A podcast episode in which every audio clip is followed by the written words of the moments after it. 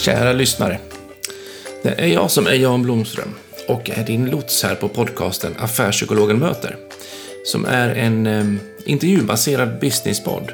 Och jag tycker det är extra roligt att eh, du vill följa med och möta de personerna som jag helt enkelt är lite extra nyfiken på. Eller som vi kanske är lite extra nyfikna på. För du kan ju följa Affärspsykologen på alla sociala medier eller besöka min hemsida på janblomstrom.se och tipsa vilka gäster du också är lite extra nyfiken på. Eller om du bara vill ge ris och ros kring podden rent allmänt. Jag misstänker att du som är lyssnare är en driven lyssnare som har förändring som är helt enkelt en del av din vardag. Och kanske till och med tänker på förändring som det nya svarta. Och förändring är någonting som jag jobbar med på alla sätt. Jag brukar säga att jag förändrar företag alla dagar i veckan. Antingen som affärspsykolog, där jag då går in som konsult och kanske driver och säkrar upp olika förändringsprocesser. Eller som talare, där jag är ute och berättar och föreläser om, om förändring och olika utvecklingsområden. Och även som författare, där jag skriver böcker inom området. Och nu så för jag samtal i min helt nya podcast Affärspsykologen möter. Och tanken med det är att jag ska kunna vara med och att vi tillsammans ska kunna inspireras och kunna mötas i kärleken till, ja, till ständiga förändringar helt enkelt. Möta de personer som är runt omkring oss och eh, ta del av vad de har gjort bra och mindre bra. Du får följa med på ett nytt möte varannan tisdag och du hittar oss på Soundcloud, ja, eller på alla andra förekommande plattformar och appar.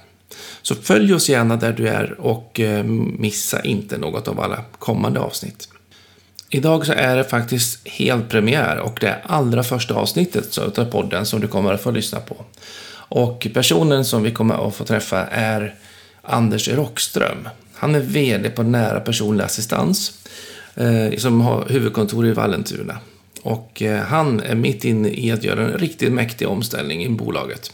Och det är också i en bransch som ja, både är föränderlig men framförallt ständigt är i debatten. Ni kommer att få möta en riktigt skön kille som både kan visa på en prestigelöshet och trygghet i det, men också ha ett tydligt driv och en, ja, en långsiktig plan. Och dessutom så får ni höra Anders presentera ett riktigt skop i slutet av samtalet. Vi som är teamet bakom Affärspsykologen möter är Jan Blomström då, som är er guide och lots under samtalet. Och det är jag. Eh, sen har vi Johan Goth från Goth Music Production som producerar, medan Adrian von Berlikom som har en firma som heter von Berlikom Design och Kommunikation står för allt det grafiska. Men nu kör vi igång. Följ med in i samtalet med Anders Åkström och ta del av hans framgångssaga på nära personlig assistans.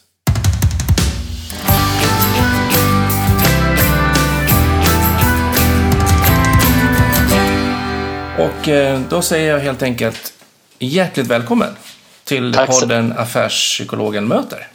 Tack så hemskt mycket. Ja, Anders Rockström. Hur har din dag varit? Den har varit bra.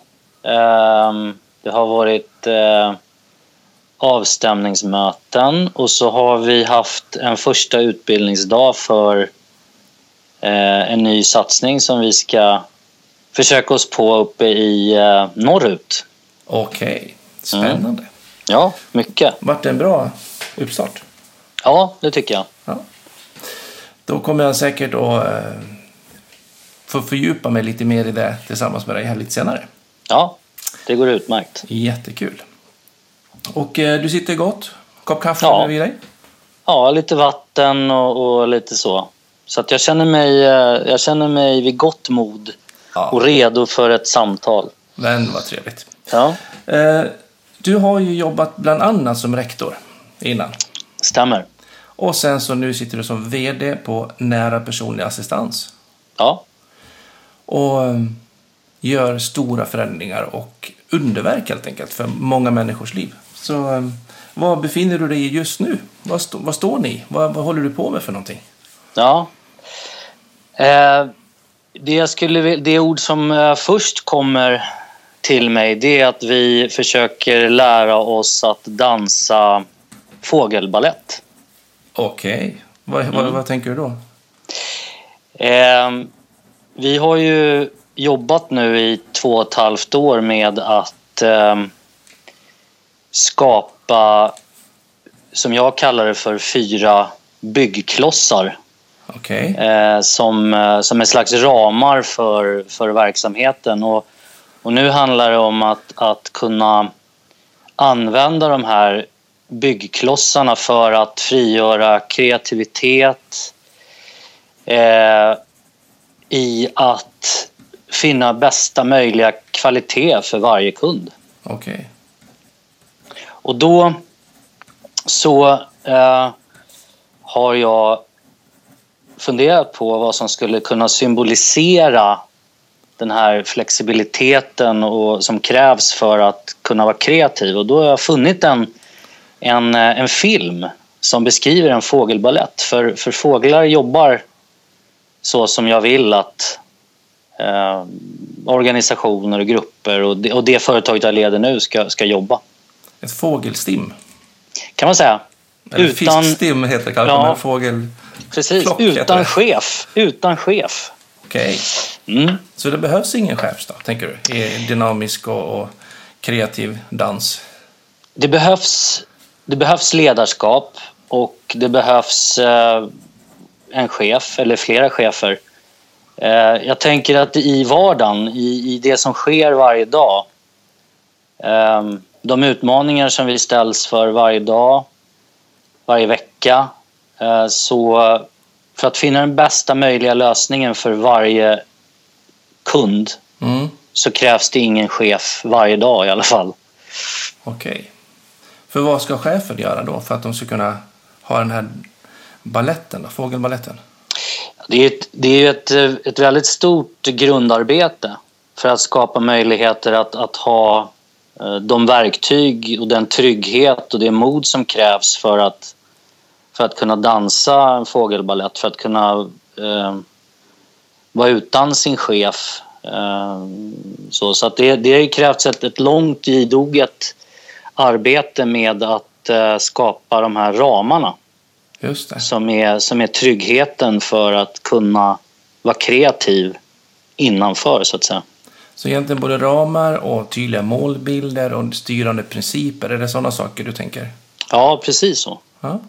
Mm. Kan du beskriva hur, hur den här fågelballetten, hur den ser ut? Hur ser, hur, vad är det du ser framför dig på filmen? För Eh, de som inte det- ser den. Ja, precis. Eh, det är ju alltså så att det är ett, ett stim med starar Okej. som eh, flyger i olika konstellationer. Eh, och det är för det första ett väldigt vackert skådespel. Ja. Eh, de anpassar sig efter nuet, efter den nuvarande situationen. Så anpassar de, det är en väldans massa fåglar som anpassar sig för att kunna hantera nuet på bästa möjliga sätt utifrån de behov som de har. Mm. Så. Okej. Spännande. Ja, det är väldigt spännande. Man tittar ju väldigt mycket nu på, på naturen och på djuren, myror bland annat och fiskar som du nämnde förut för att se hur, hur och för att kunna lära sig om vad framtidens organisationer eh, behöver för att kunna hantera den väldigt snabba förändringen som vi står i. Det som är lite spännande också i det sättet att tänka, eh, tycker jag, det är att vi, då måste man göra saker mycket enklare. För Mm. Min erfarenhet, eh, jag är ute och jobbar på mycket olika företag och så, och vi har ju en tendens att för, krångla till det och göra det otroligt mycket mer komplext än vad det behöver vara. Mm. Och då gömmer man sig gärna bakom metoder och arbetssätt och modeller istället för att man faktiskt backar ner till, till basic och ser vad det handlar om. Och där har ju faktiskt eh, djurvärlden inte krånglat till det än. Så där har vi en hel del att lära oss av, tror jag. Ja, det verkar så. Ja, och bara göra Eh. liksom, att inte krångla till det helt enkelt. Utan, Nej, utan det, det, det, det handlar ju om att titta på vad är det, vad är det basala behovet med, med det vi gör vad är syftet med det vi gör och sen anpassa oss efter det vi behöver göra utifrån det. Varje dag egentligen. ja, för vad, hur ser du översättningen till hur, hur dansar man fågelballett på, på nära personlig assistans? Ja, eh, den är lurig. Eh, ehm, Jag har Det- svårt att tänka mig att ni hoppar runt i korridorerna där och Ja, precis. ute hos brukarna. Och... Nej, men jag skulle kunna säga så här att jag, jag har ett konkret, eh, ett, ett konkret exempel kan vara att eh, vi, när vi eh, för ett år sedan när vi fick in en ny kund Mm. en, eh, så behövde jag eh, vara delaktig i vem som skulle eh, ta ansvaret för den här nya kunden Ja. eh, vad det gäller både personalfrågor och ekonomi, ekonomifrågor. Mm. Eh, eller kanske bara för ett halvår sedan. Eh, för ett par veckor sedan så eh, fick vi in en ny kund där, där jag inte blev delaktig mer än att jag blev informerad Mm. om att man...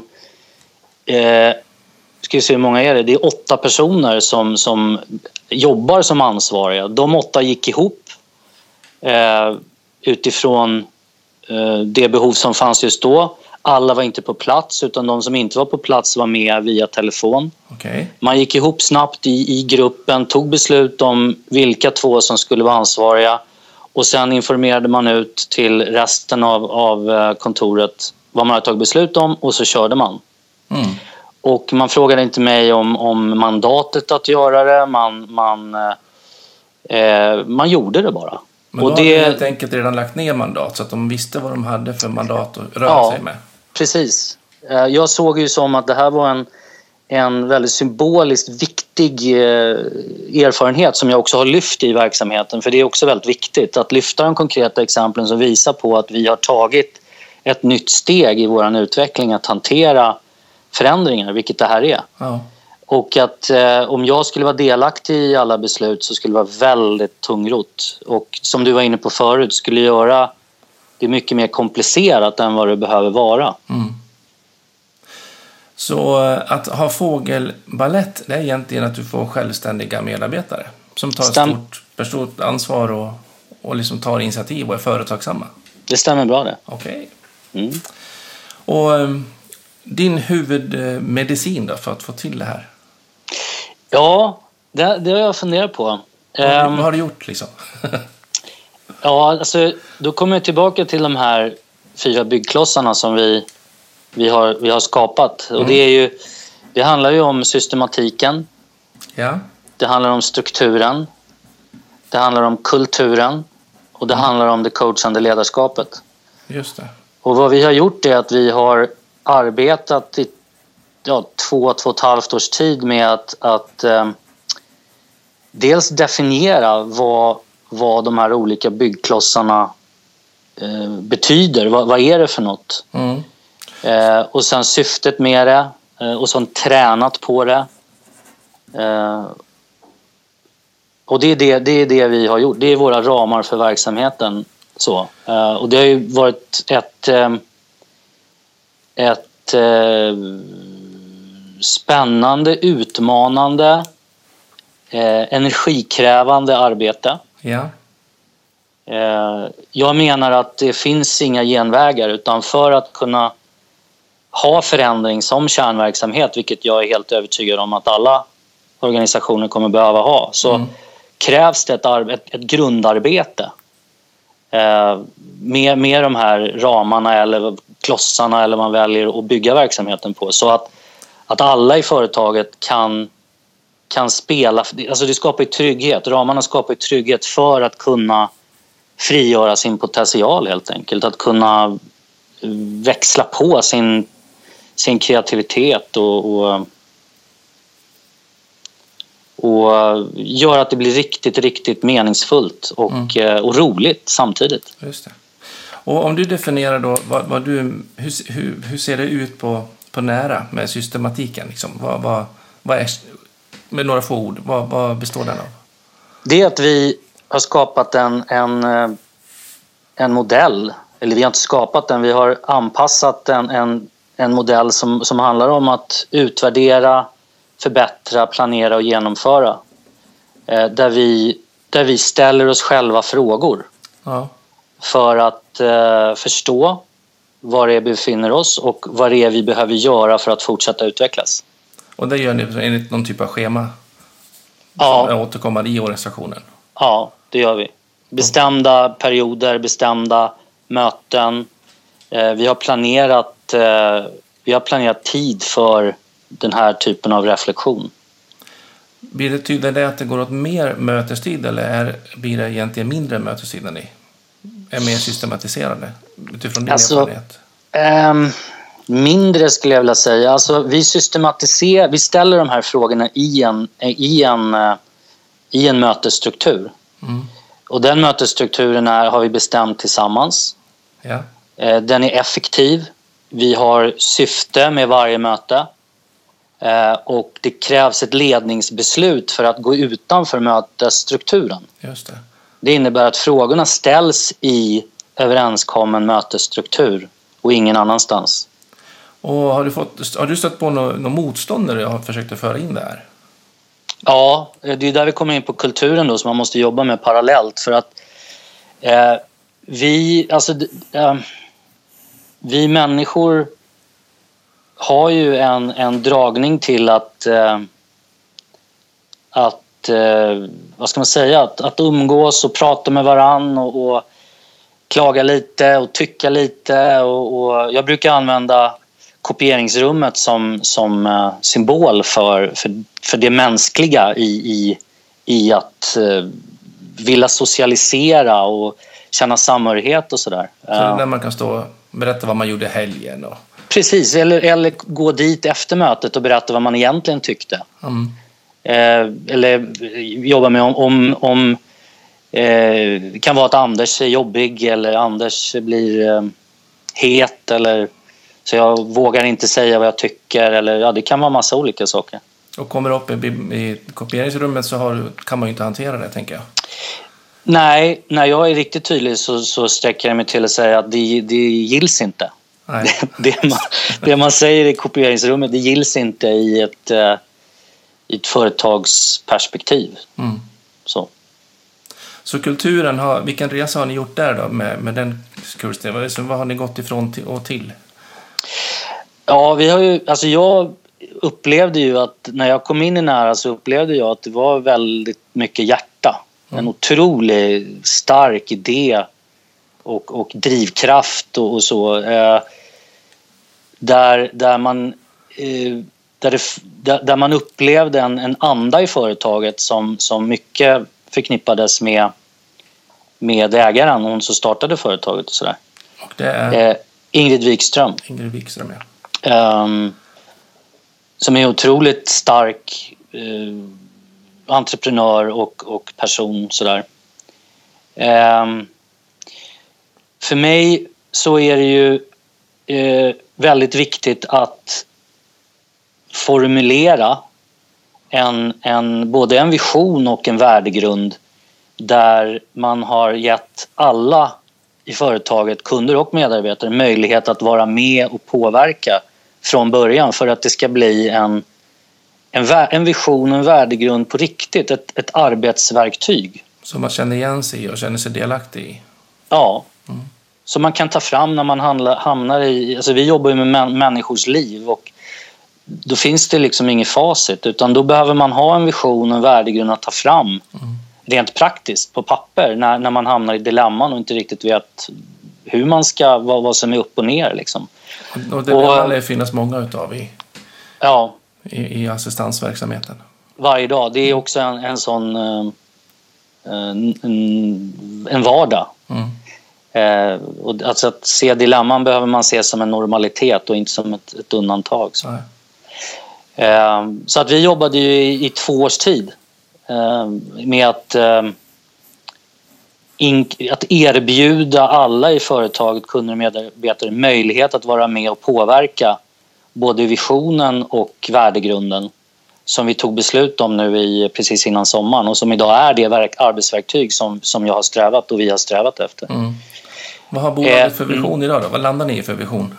Vi landar i att eh, Nära ska bidra till ett samhälle där, där alla människor har möjlighet att välja hur de vill leva sitt liv. Så Eh, när man hamnar i en gråzon eller att man ett svårt problem eller man vet inte vad man ska göra och känner sig vilsen, då kan man luta sig mot visionen och era värdeord och ja, få stöd där. ja, Precis Inklusive så. då hämta stöd i hur ska vi fördela ansvaret oss åtta emellan för den nya kunden som du berättade nyss. ja. precis så.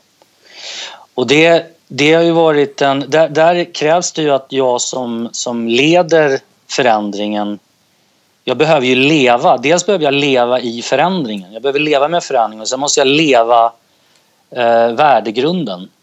Eh, jag är ju den, den, den yttersta förebilden för, för alla kunder och medarbetare för det måste börja hos mig. Och det, det innebär ju att jag ibland behöver eh, vara tydlig med när ett, ett beteende till exempel går utanför det vi tillsammans har kommit överens om som finns i värdegrunden. Ja.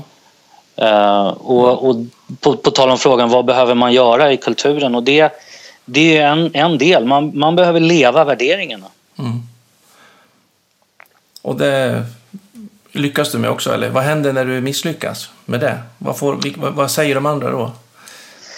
När jag misslyckas med att ja. leva det, ja, då, då handlar det mycket om, om, vilket också är helt avgörande, det är hur jag kan leda mig själv med, mm. med mina svårigheter och, och styrkor och, och utmaningar och sådär. För mig handlar det om att jag är, är otroligt, jag har en otroligt stark drivkraft. Uh, och uh, det kan innebära ibland att, att, jag, att jag blir het, upplevs som het. Ja. Och för vissa människor kan det upplevas som, som lite, lite läskigt.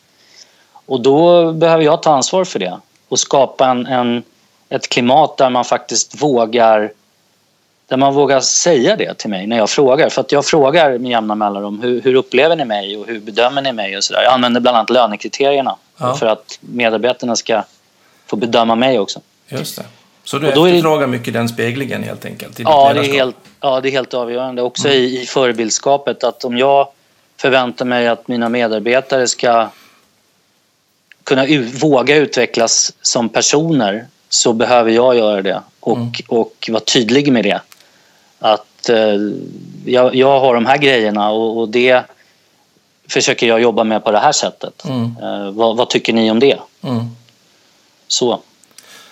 Vad modigt och spännande och jag tänker att kanske inte alla jublar heller över att eh, få, få behöva ge feedback till chefen.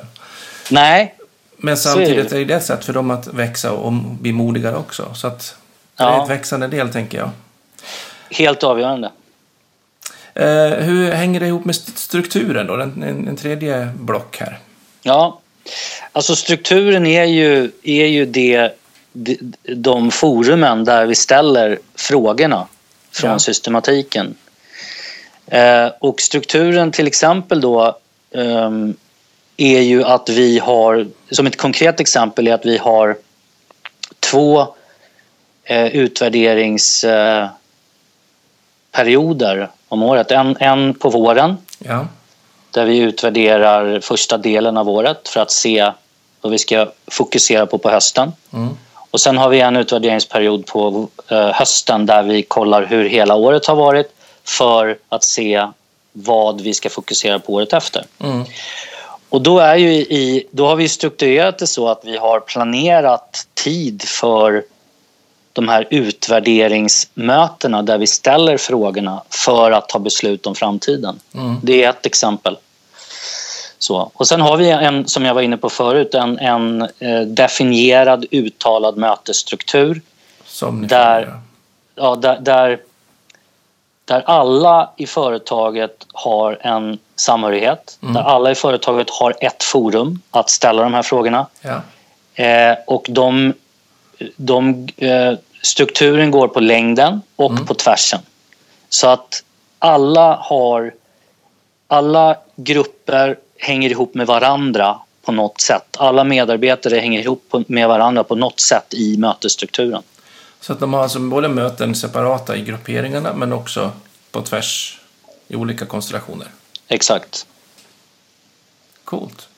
Ja, det är coolt. Vad, vad blir... Eh, eh, vad, vad, tycker du är största ska säga, uppförsbacken eller nackdelen med, med det upplöst? Vad är för baksida på den medaljen? Det finns ju många själv... fördelar, tänker jag, för de berättar du lite grann om. Och, och så. På själva strukturen? Ja, med själva strukturen.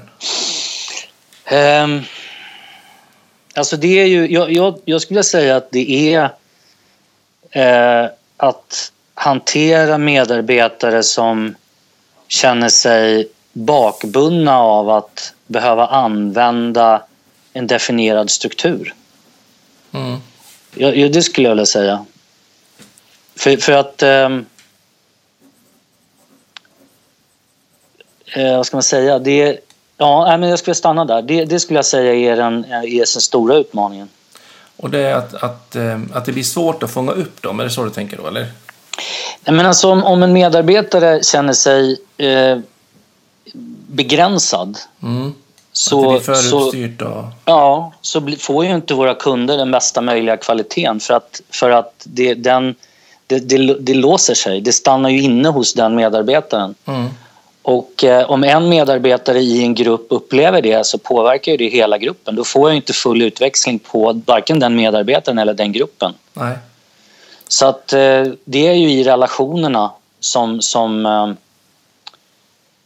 eh, i relationerna mellan individer och mellan grupper som, som nyckeln ligger till det skulle jag vilja säga. Okej, mm, precis. Och då leder vi det nästan till fjärde blocket här. Ja, Coachande ledarskap. just det. Hur ser det ut hos er? Vad tänker ni på, på nära för det? Det handlar ju om att... ehm, om vi börjar med coachande ledarskap här från, från oss som leder verksamheten från huvudkontoret så handlar det ju om att, att låta medarbetaren eller medarbetarna behålla ansvaret så långt det bara går. Mm. Att hela tiden ha fokus på medarbetarens potential. Att, att själv ta beslut, att själv komma fram till lösningen. Mm. Ehm, och vad vi, en utmaning som vi har i det, det är ju att eh, det är väldigt viktigt för oss att skilja på det coachande ledarskapet från oss här på, på huvudkontoret Ja. kopplat till ehm, en assistents relation till våra, våra kunder. Därför att våra kunder... Eh, Och era arbetsle- kunder är ju då de som har funktionshinder på något Exakt, sätt. behov de som, har en, de som är assistansberättigade Ja. och har personlig assistans. Då. Mm. Alltså de arbetsleder sin egen vardag. Och vi jobbar ju väldigt mycket med att, att, eh, att alla i företaget ska känna självständighet, integritet ehm, och kun- kunna påverka sin, sin vardag. Och då är det viktigt att vi, då det är inskrivet i, i LSS från början att Mm. vi ska inte vi ska inte vara chefer och, och berätta för våra kunder hur de vill leva sitt liv. Nej, utan de får Där- ha sitt eget liv. Exakt. Och däremot så kan vi, kan vi jobba för en kultur där alla i företaget har ett coachande förhållningssätt. Där man, där man lyssnar på varandra ärligt. Mm. Där man ställer öppna frågor till varandra för att man är genuint intresserad av den andres utveckling. Mm. Eh, och, och det är en jättestor skillnad mellan det coachande ledarskapet från oss på huvudkontoret och ett coachande förhållningssätt som vi jobbar för ska leva ute i verksamheten mell- mellan alla medarbetare och kunder. Kan man eh, tänka så att den här nyfikenheten då som, som jag hör tänker jag ligger hemma både hos ett coachande förhållningssätt men också ett coachande för ledarskap. Mm. Men att ledarskapet har även det leda och styra och, och forma med sig som ingrediens. Exakt så. Ja. Vad blir erfarenheten eller responsen när du, när du liksom... För det är ju ett val som du strategiskt har valt att jobba med, med det här sättet att jobba, tänker jag. Mm. Eh, och det borde ju passa en viss typ av medarbetare som handen i handsken. Mm. Och kanske inte riktigt alla medarbetare gillar att ha den här nyfikenheten och intresset. Eller vad, vad tänker du kring det? Alltså, det fiffiga med, med det coachande förhållningssättet det är just, och du var inne på det, den här nyfikenheten och, och ehm, ärligheten. Att jag menar ju att det här, det här passar ju alla därför att om jag är genuint intresserad av dig Mm. och du tycker att det här är jobbigt med coachande förhållningssätt då utgår jag från det. Mm. Och då lyssnar jag på det. Och då, då innebär det att, att i ett coachande förhållningssätt gentemot dig så väljer jag att inte vara så nyfiken. Och inte ställa alla de här frågorna. Men, Just det, för men att det upplever jag jobbet då. exakt. Och det ligger i det coachande förhållningssättet för mig. Utan, så att det, det coachande förhållningssättet handlar ju om att vara genuin. Mm. Vara genuin och lyssna ordentligt och inte vara upptagen av sig själv utan vem är du Jan och, Mm. och, och hur, hur vill du ha det och, och vad, hur, kan jag, hur kan jag bidra till att du får bästa möjliga utveckling för, för, utifrån dig, den du är. Mm. Det, är- så, så att jag menar ju att kan man, kan man ehm, hittar man rätt med det coachande förhållningssättet så går det inte att säga att det är fel. Så egentligen handlar det mycket om fingertoppskänslan i, i relationer. Ja, det blir, det, när, när, man har lärt, Ja. när man har lärt sig cykla så kan man säga fingertoppskänsla. För att, för att komma dit så krävs det hårt arbete och träning. Mm. Eh, Men, men sen, ja absolut. För Då ska du kunna gå på några sekunder och hitta rätt. Liksom. Och snabbt läsa av att det varit för mycket, nu backar jag, eller nu kan jag driva på lite mer så att man hela tiden ligger rätt, med rätt tryck i relationen. Ja, exakt. Utmana varandra, lyfta varandra. Ja. Utmana varandra med värme. Mm. Eh, Där, där det inte handlar om att, att jag drivs av att utmana. Utan jag utmanar dig av, av, eh, för Av att, kärlek, liksom. Av kärlek, precis. Och då är det ju, tänker jag, i många andra verksamheter så handlar det kanske om kärlek till att prestera bra. Mm, Eh, vinst på sista raden. mm, Eller kanske då i era världar framför allt, eh, eller personliga assistansvärlden, så, så är det ju mycket om att få rätten till det egna livet. mm. Att hitta brukares eh, önskan och, och tilltro till, sig, till, till sitt eget liv. Mm. Spännande. Ja, Och med de här fyra, systematisk, systematiken, strukturen, kulturen och eh, coachande ledarskapet, så, så ger du egentligen plattformen för din organisation att jobba självständigt. Med fingertoppskänslan, veta vart ni ska, vad man ska värdera, att man ska tycka att det är okej att lyfta sina åsikter. Inte ducka under radarn och, och smita undan, utan vara med och driva företaget framåt. Skapa Ja. bra verksamhet. ja. Och då så skulle man kunna säga. och då får du ett kvitto där också på senaste kunden där. Precis. Eller hade tag som du nämnde nyss. Precis, och det blev så väldigt tydligt för mig just den eh, situationen. Mm. Hur långt har ni kommit i det? där? För jag tänker, du, har ju äg, du är ju ägare och bärare utav tänket och gjort dina val i hur du vill slå an tonen i företaget. Mm, Ehm, sen har ju du då ett gäng chefer under dig, mm. misstänker jag. Och ehm, hur jobbar de? För det är de som jobbar ut mot assistenterna sen. Mm. Och, och, Eh, precis. Jag har ju en ledningsgrupp först och främst där vi är, eh, det är jag och så är det Roy, marknadsförsäljningschef och Lotta som ekonomichef. Ja. Och det är ju min... ehm, eh, vad ska man säga? Det är ju mitt forum så att säga. där är din hemmaplan. Det är min hemmaplan. Dina Eh, och vi, vi, vi jobbar ju väldigt eh, koncentrerat och fokuserat med de här fyra delarna. Eh, inom gruppen och för att vara, vara tydliga tillsammans att hålla i ramar och helheten utåt. Mm. Sen är ju jag eh, chef även för våra kund och personalansvariga som vi kallar för KP-gruppen och de är, precis som du var inne på, de är ju operativa chefer och kundansvariga ute i verksamheten. Ja. Eh, och där, där har vi ju valt nu att eh, som ett steg i att, att dansa fågelballett eh, så har jag ju valt att, att eh, för 2016 lämna över ännu mer mandat till gruppen Okej. eh, som kommer innebära att... För de, de har uttryckt nu i den senaste utvärderingen att, att eh, de har ett behov av att efter att ha tränat utan närvarande chef hela tiden så märker de att de på något sätt behöver eh, synka beställningar som de säger. Vi jobbar mycket med beställningar i protokoll och sådär. Mm. De ser att de behöver synka beställningar, att, att de behöver stärka ledarskapet i gruppen och sådär. Så att nu har vi tagit beslut att vi ska ha en, en KP åt gången som funkar som samordnare. Okej. Så att de blir inte chefer utan de kommer vara samordnare. Eh, Alla i gruppen ska vara med och det är tre, fyra månaders perioder. Mm.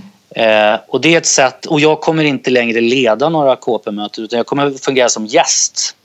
Okej. För att det även ska bli en kompetensutvecklingsinsats där jag kommer ge feedback till varje KP-samordnare utifrån ledarskapsperspektiv och, och så. Så det betyder det- att det är ditt ledarskap som ska vara närvarande i, i KP-gruppen. Ja, Men det behöver inte vara din, din kropp, liksom. rent fysiska chefer behöver inte vara på plats. Och de gånger du är där så är du där som gäst. det stämmer. Det Handlar det mycket också om äganderätten? Att det, du inte tar ifrån dem, att det är de som äger frågan?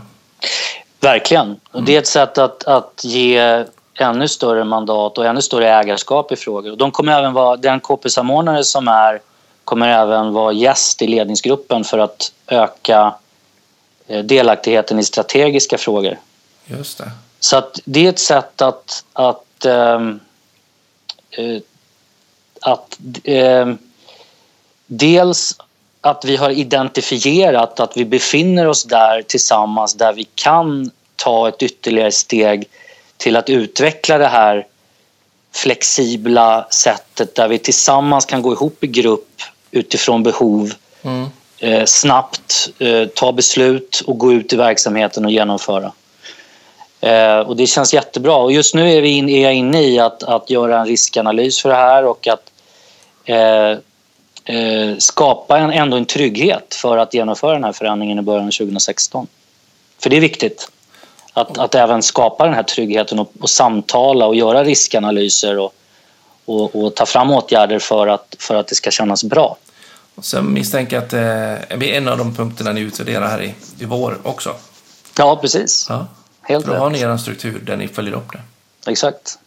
Eh, hur, bara en liten kort sak med, med att den som är samordnare då är gäst i ledningsgruppen. Mm.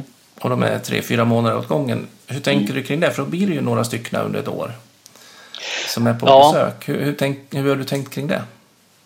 Om, nu får du utveckla frågan. Eh, samordnaren som sitter, sitter i tre till fyra månader. Ja. Om de är gäst i ledningsgruppen Mm. och sen kommer nästa samordnare nästa kvartal Mm. så kommer det vara tre, fyra stycken som har varit gäster under ett år. Ja. Hur påverkar det transparens, trygghet i ledningsgrupp, öppenhet? Vi, eh, nu förstår jag. Eh, Vi befinner oss i... eh, Ledningsgruppen är...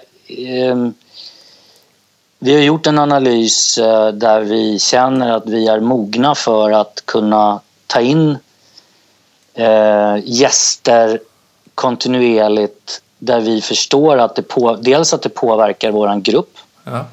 eh, och hur vi ska hantera det. Det är det ena, vi är mogna för det.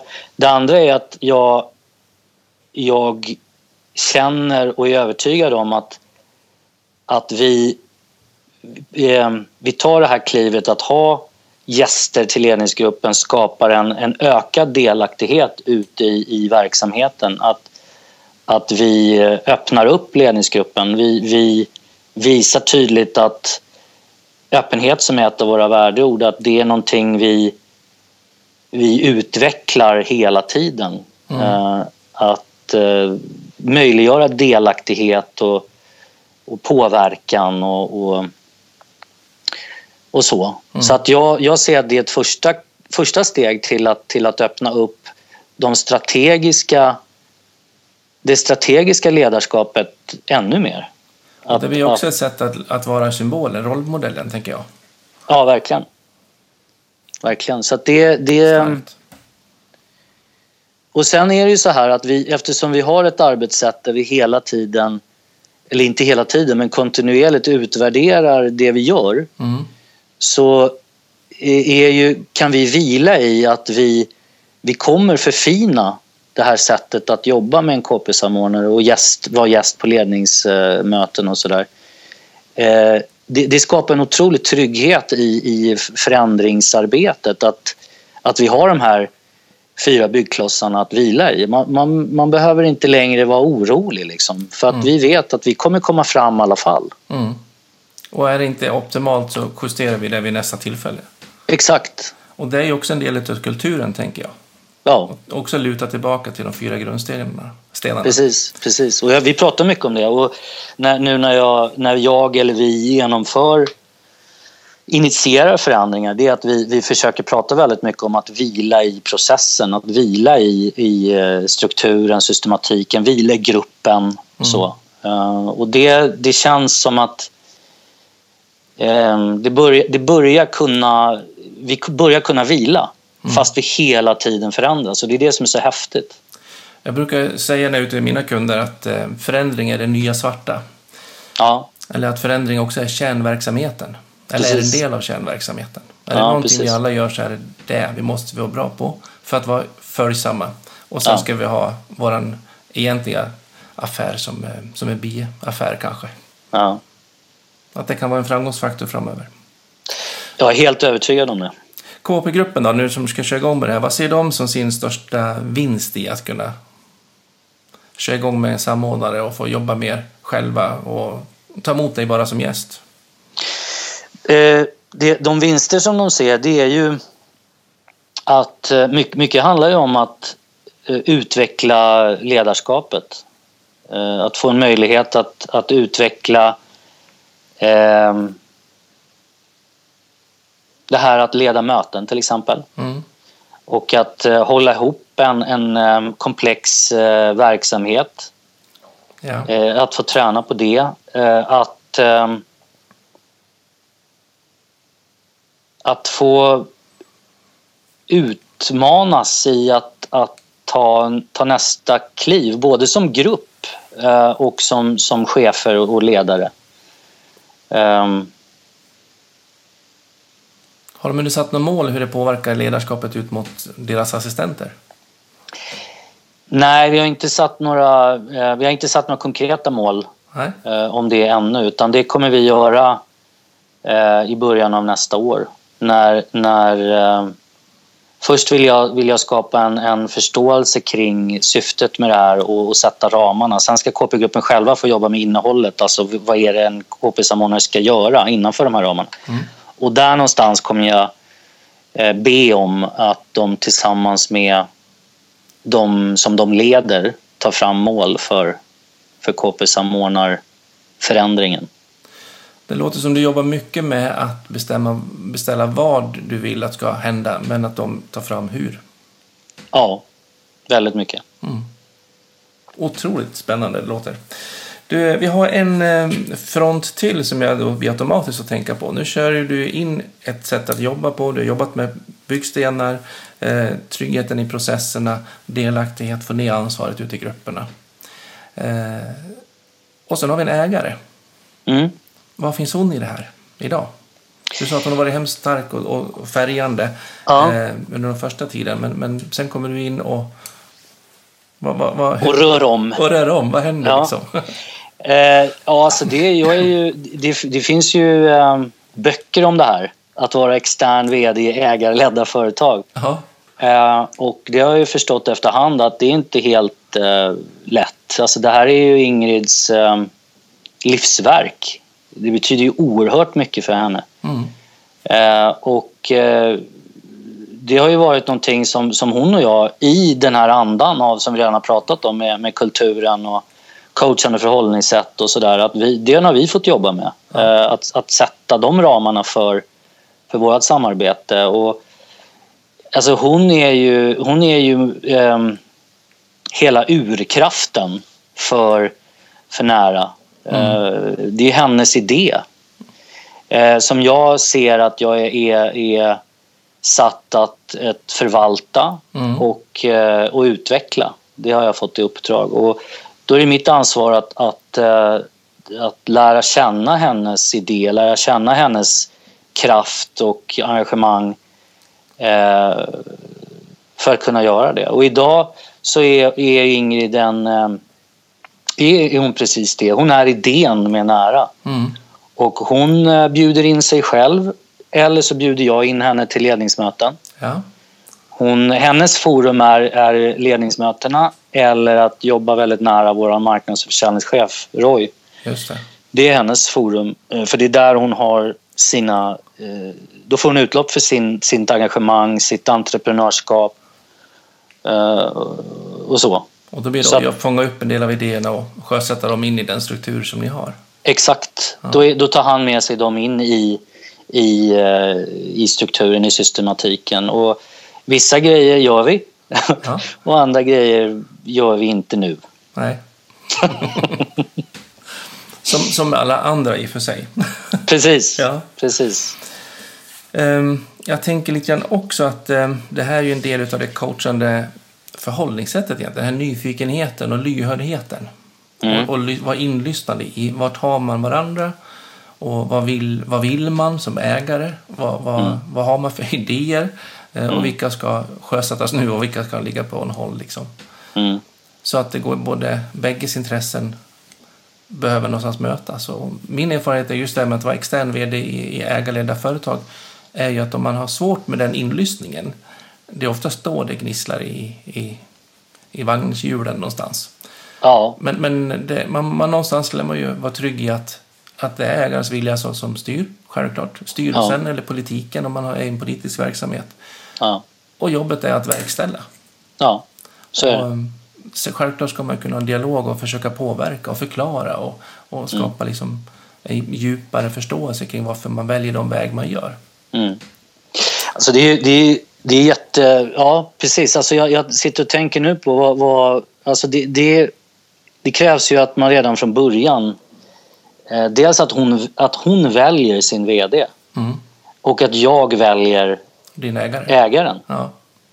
Eh, och, och den medvetenheten, alltså det är allt som, vi, allt som vi jobbar för, allt som vi jobbar med och allt som du och jag har pratat om här nu, det, det börjar ju redan där. Mm. Att, att jag, när jag och Ingrid började prata om, om, om att jag skulle ta, ta den här rollen så, så har ju, jag, hon, har ju jag en idé om vad jag tror på Ja. när det gäller att bygga företag. Och om jag ska driva, i, drivas av den här typen av kultur, de här, de här fyra byggklossarna, så behöver jag redan där vara förebild i att uttrycka vad jag står för, vem jag är Mm. och vad jag kan göra. Eh, vad jag har svårare att göra. Mm. Så att hon kan ta ett medvetet beslut som jag sen kan följa upp i, i svårare samtal där vi ska komma fram till våra olika roller och vem ska göra vad och olika mandat och hur långt ska hon gå, hur långt ska jag gå och så vidare. Mm. Det börjar ju redan innan själva Innan anställning. Ja, innan anställningen. Och varje utvecklingssamtal sen är ju egentligen en förnyelse av just det samspelet. Exakt, Väljer vi varandra ett år till. precis. Ja, otroligt kul att få höra lite grann om er resa. Ehm, Det är ju för en, bransch också som är i stor förändring.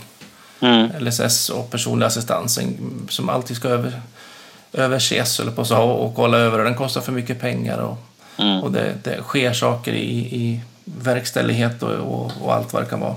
Mm. Ehm, vad ser du för utmaningar liksom kring det utifrån att du väljer att bygga och designa din organisation som du gör? Mm. Alltså dels så tror jag att, att vi är väldigt väl rustade för, för det som kommer, både ekonomiskt och, eh, och eh, verksamhetsmässigt, så att säga. Eh, Jag ser ju, jo flera med mig ser ju att eh, kvalitetsregleringen kommer ju öka Mm. eh, på något sätt. Eh, och eh, de eh, schablonersättningen är, är fryst flera år framåt så att eh, det kommer bli svårare eh, att få med lönsamheten. Mm. Mar- marginalerna kommer sjunka eh, av olika anledningar. Och det i, men, men tack vare att vi dels har ju nära länge haft en, en, en solid ekonomi Mm. eh, och att vi nu jobbar med att, eh, klar, att, att liksom vara i förändring Mm. på det vi har pratat om tidigare så är vi ju nära är väldigt väl rustade för egentligen vad som helst. Skulle jag vilja säga. Så egentligen är ni ganska snabbfotade, för det är det jag hör när du berättar. Att ni, ni förbereder er så att ni snabbt kan ställa om och vara rörliga och flytta resurser i framförallt Absolut. horisontellt läge. Ja, absolut. Och det är en förutsättning eh, idag och kommer vara så i ännu större utsträckning framöver tror jag. Mm. Eh, sen, sen finns det ju en frustration i det. Du tar upp det här med att assistans, eh, assistansen, personlig assistans kostar mycket pengar. Och det en frustration är ju att, att eh, det nästan aldrig i debatten tas fram den samhälleliga vinsten av personlig assistans. Och det, det blir ju um, märkligt och kortsiktigt och, och lite uh, onyanserat skulle jag säga. Berätta hur du tänker. Men alltså det är, eh, personlig assistans är ju eh, någonting som också ger väldigt mycket tillbaka till, till samhället. Mm. Vi har, vi har eh, assistansberättigade kunder som, som innan reformen inte hade rätten och möjligheten att välja hur de ville leva sitt liv. Mm. Idag, idag så är det ju många som, som förvärvsarbetar och betalar skatt och konsumerar på ett helt annat sätt än vad fallet var för 20 år sedan till exempel mm. när, när reformen kom. Vi har många anhöriga som tidigare gick på knäna för att de inte fick, fick stöd av mm. samhället som idag också kan, kan eh, bidra till förvärvsarbete, betala skatt, mm. Eh, konsumera på ett annat sätt. Och, och sen har vi assistenter som, som kanske stod långt ifrån arbetsmarknaden som har fått helt andra möjligheter till, till, eh, till en yrkeskarriär. Mm. Eh, och, och, där man också har sett att där, också se, där de också har större möjligheter att, att till inkomst betala skatt och konsumera och sådär. Mm. Så både ekonomiskt och, och eh, mänskligt så, så bidrar ju personlig assistans med med, med massor tillbaka till samhället och det är väldigt få röster som lyfter det. Mm. Ja, för den sidan brukar inte komma fram. Nej. Idag så när vi spelar in det här så är det den 15 december. Och mm. eh, bara i tidningarna idag så står det att de igen ska se över LSS-reformen för att den kostar mm. för mycket och kostnaden skenar. Och, så mm. det är ju den kostnadssidan som, som man lyfter fram. Ja. Samtidigt som man nästan alltid säger att det inte handlar om pengarna. Precis. Utan resurserna ska gå till rätt person. Mm. Men eh, min erfarenhet är ju någonstans att, eh, att resurserna går mångt och mycket till rätt personer. Men mm. problemet mm. är mer att, resurs, att, det, att det inte går resurser till de som också behöver. Mm. För att kunna få den här samhällsnyttan och livskvaliteten. Mm. Ja, och jag tror att om man kunde nyansera debatten lite grann och, och eh, titta på hela bilden så, så tror jag att vi eh, skulle komma en närmare ett samhälle där, där återigen då, där alla, mm. alla människor har, har uh, möjlighet att välja hur de vill leva sitt liv. Mm. Um, och det är frustrerande. Ja, det är det. Vi får se vad den debatten fortsätter. Ja. Men det är en föränderlig värld i alla fall och det låter som ni står ganska bra rustade i eran, hur du har tänkt med, strukturerna och, och ert interna jobb. Mm. Och sen så sa du lite grann när vi började vi prata om att ni hade lite nya idéer. Så mm, vad, vad, ja, vad, går ni vidare framåt? Vad, vad har ni på gång? jo, um, vi um, vill ju ha tillväxt. Ja. Uh, och vi har tagit beslut om att vi ska växa organiskt. Ja.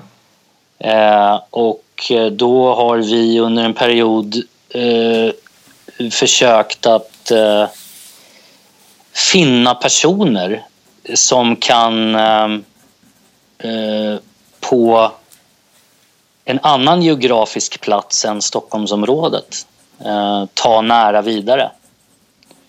Och då har vi eh, eh, idag haft en eh, medarbetare från Umeå och en från Sundsvall som här på utbildning som under början av 2016 ska eh, i lugn och ro starta upp verksamheter på, i de här städerna genom att eh, försöka att eh, attrahera kunder helt enkelt. Assistansberättigade som, som vill vara en del av, av Näras resa. Så det är ett, egentligen ett skop du sitter här och berättar? Det, kan det vara så? Det kan vara skop. Det kan vara så, ja. Ett så skop. Ni, så ni kommer att köra igång alltså i Umeå och i Sundsvall? Ja, det kommer vi göra.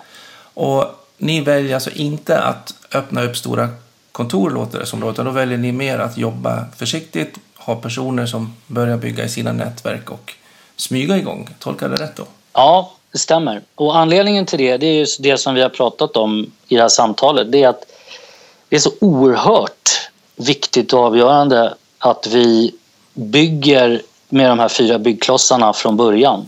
Eh, och därför så har vi valt att, att återigen då, att, att, eh, eh, att äh, dra människor till oss, personer som, som vi är övertygade om kan, kan äh, leva, leva våran, vårat sätt att jobba. Mm. Äh, och ja, ta det vidare helt enkelt. Så att ni ska så lite nära frön uppe i Umeå och Sundsvall. Ja. Så får de själen att gro även där. Exakt. Jag tror inte... Vi ska od odla lite. Odla ja. lite, ja. Lite, ja. När det blir, ja. blir vår allt. Ja, precis. Jag tror inte vi har riktigt nämnt vart ni har ert huvudkontor. Nej, det ligger i Vallentuna utanför Stockholm. Ja. Så då blir det första egentligen officiella etableringen utanför huvudkontoret. Det stämmer bra. Det är jättespännande och väldigt roligt. Shit vad kul. Ja. All lycka till. Tack så hemskt mycket. Så att det är två stycken på väg hem nu, upp till norr, Norrland. Nej, det heter kanske inte Norrland där. I alla fall norrut. Ja. Så jag som bor på Gotland och inte har ja, koll på geografin. Ja. Um, och är från Dalarna, eller Och är från Dalarna. ja, precis. Um, men då är det lite grann folk där på väg upp över och, och, och njuter med sitt nya uppdrag. Då. Ja, Just nu är vi i en slags introduktionsfas så att de har inte gått igång än. Det kommer ske under första kvartalet 2016 så det, det, jag är lite ute på, på hal is och berättar det här men, men det är ändå en, eh, en väldigt spännande och roligt steg i, i näras, eh, på Näras resa som sagt. Och det är nog som du säger att det låter hemskt i närlinje med, med, med den stilen ni har valt att bygga företaget på. Ja. Att, inte bygga kontor, vilket kanske är det vanligaste sättet att etablera verksamheten. Ja. Så öppnar man kontor och sen så nu är vi där och sen slår man på stortrumman och invigning. Ja, det, det tror jag. Utan mm. att ha det förankrat så, så, tror jag att det är så. Och um, det här känns som att um, vi, bygger, vi bygger inifrån, mm. uh, inte utifrån. Uh, för det tror vi på. Bygga inifrån och låta det sakta men säkert växa. Mm. Oerhört kul. Hörru du, eh, din egen utveckling då? Vad, vad är din utmaning nästa steg? Hur utmanar du dig själv och tar dig bort ifrån din komfortzon? Ja, det var en spännande fråga. Um, för mig handlar det om att, uh, att att vara ohet. ja, just det. Ja, precis. Nej, men det, handlar, det handlar om att, att fortsätta att, eh, att tydliggöra vad det är vi försöker göra, skulle jag vilja säga. Alltså det, jag jobbar mycket med att, att, eh, att eh, göra de här ramarna eh, tydligare men, men enklare på något sätt. Att mm. det ska vara väldigt enkelt att kunna vara innanför de här ramarna och känna den här tryggheten och veta vart vi ska, hur vi ska göra det, vad vi ska göra för att kunna känna den här friheten att, att ja, tillbaka till fågelballetten, att, att dansa liksom. Mm. Eh, och det, jag, jag, är övertygad om att det är det som är min, mitt uppdrag, att hela tiden förfina eh, de här ramarna. Eh, och att och att eh, titta eh, vad, vad vår nästa eh, utmaning, vårt nästa steg är. Eh, göra trendspaningar eller vad man väljer att kalla det för och mm. att, att utmana mig själv i, i både mig som person och som, som chefledare. Det hänger ju i och för sig ihop. Så att, mm. Ehm, att förfina verktyget. Så när Förfina mig själv som verktyg. Ja. Så när du har gjort det, då tänker jag de uppe i Umeå i Sundsvall som nu ska starta igång era verksamheter mm. där uppe i första kvartalet. Mm. Så när det är enkelt och tydligt med alla stenar och alla bilder och varför mm. så kanske de är igång på en månad. Exakt. Så och det är precis så. så precis så. Mm. Uh, att, att förenkla. Hela tiden förenkla, skapa möjligheter uh, att utvecklas. Uh, så ska det, förfina, förenkla effektivisera. Ja. Du har ju en ganska tydlig prägel på hur du vill få till. Så att jag Mm. tänker om vi tänker oss långt, långt fram i tiden förhoppningsvis. Mm. Eh, vad vill du ska stå på din gravsten? Ehm, Vad ska man, känna, vad ska man prata om dig efteråt? Så jag tror att eh, jag, jag vill... Om, om man eh, skulle prata om mig efteråt så, så skulle jag vilja att, att man kände att jag verkligen att jag verkligen, verkligen försökte. Mm. Att jag aldrig gav upp. Jättegött. Mm. Du, är tre frågor på slutet. Mm. Vilken annan gäst skulle du vilja se som besökare eller gäst här på Affärspsykologen möter? Ja, det är jätteroligt att få ge dig tipset att eh, bjuda in vdn för Tänk om Okej. som heter Frida Gustafsson Wennö. Ja. Eh, en inspirerande eh, kvinna som, som har eh, tankar om framtiden, förändringsledning, lärande. Okej. Mm. Och sitter i... Vart finns hon rent I? Stockholm. I Stockholm. I Stockholm. Ja. Ja. Men vad trevligt. Ja. Eh, och eh, kan du ge något främsta framgångstips då? På ett förändringsarbete, att det ska kunna bli riktigt, riktigt lyckat. Mm. Som du vill bjuda på. Mm. Alltså det... Eh, med, med... Det är ju så här att jag, jag eh, behöver begränsa mig själv. Mm. För För att svara- tips. Ja, för att svara på den frågan. Men, men jag, skulle, jag skulle vilja lyfta det här med att, eh, att allt börjar med chefen. Eh, att det är chefen som förebild som behöver leva förändringen, Mm. behöver leva kulturen, behöver bjuda in, inkludera, skapa delaktighet. Eh, Att låta, att, att ha fokus på medarbetarnas potential, alltså det coachande ledarskapet. Mm. Så det hör ni alla som jobbar som chefer som lyssnar. Ja, det, det är hos precis. er det börjar. Ja, Och, och jag, eh, jag kan, jag kan utveckla det. Alltså, anledningen är att jag tror att, att, eh, att, att det är väldigt... Alltså, jag tror fortfarande att man, att man väljer att låta andra genomföra förändringen. Det kan vara HR-avdelning, det kan vara en konsult. eh, Jag tror att eh, det, det, jag, jag tror att man behöver göra, man behöver stå i det själv som chef. Man behöver, man behöver ha, ha kryddor in, man behöver hjälp. Mm. Man, man grejer ju inte själv såklart men, men man behöver vara i det. Mm. Eh, Kavla upp och- ärmarna och göra jobbet. Ja, Liksom. ja, och följa upp det själv och, och sen, som, som, ja så. Ja, jag är nog faktiskt eh, beredd att hålla med fullt ut där. Så Ja, vilken, vilken tur. Ja.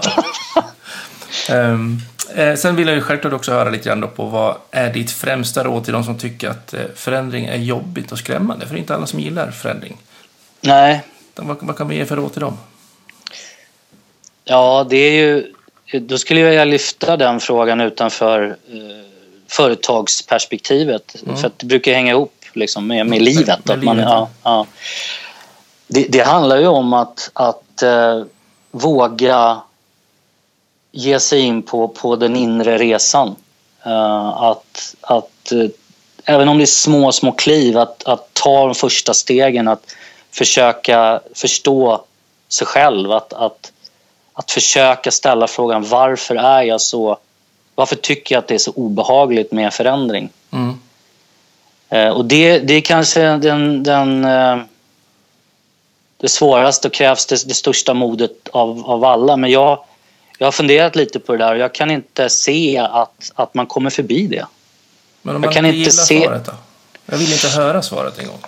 Nej, Men det är där man ska börja ändå. ja, jag, jag, jag kan inte se att det finns några genvägar. Alltså man, man, eh, för att kunna komma förbi den känslan så behöver man ta det egna ansvaret och, och, och gå inåt.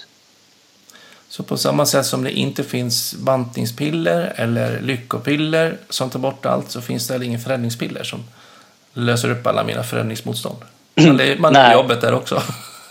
Nej, tyvärr. Alltså, jag tror att jag, jag, det, det gör inte det. Utan det, det, det enkla men också det svåraste. Mm. Otroligt spännande. Du, jag tackar så jättemycket att det var så kul att du kunde vara med här på Affärspsykologen möter. Tack så hemskt mycket. Och få ta del av din berättelse lite grann och att du delger så pass frikostigt på tankar och funderingar som det står i. Det är ett fint förändringsarbete ni verkar ha gjort mm. på nära personlig assistans. Mm. tack för att jag fick vara med. Ja, tusen mm. tack. Mm. På återhörande. Ja, hej. Hej.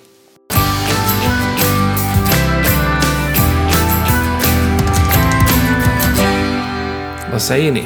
Visst verkar Anders vara en riktigt skön kille? Och vad tycker ni egentligen kring det att han berättade om att ha utbytbara samordnare som gäster i ledningsgruppen? Eller hur tycker ni det här med fågelballetten fungerar som metafor? För självständighet och rörlighet och dynamik och kanske lite smidighet och så vidare utifrån lite mer grundläggande principer i jobbet.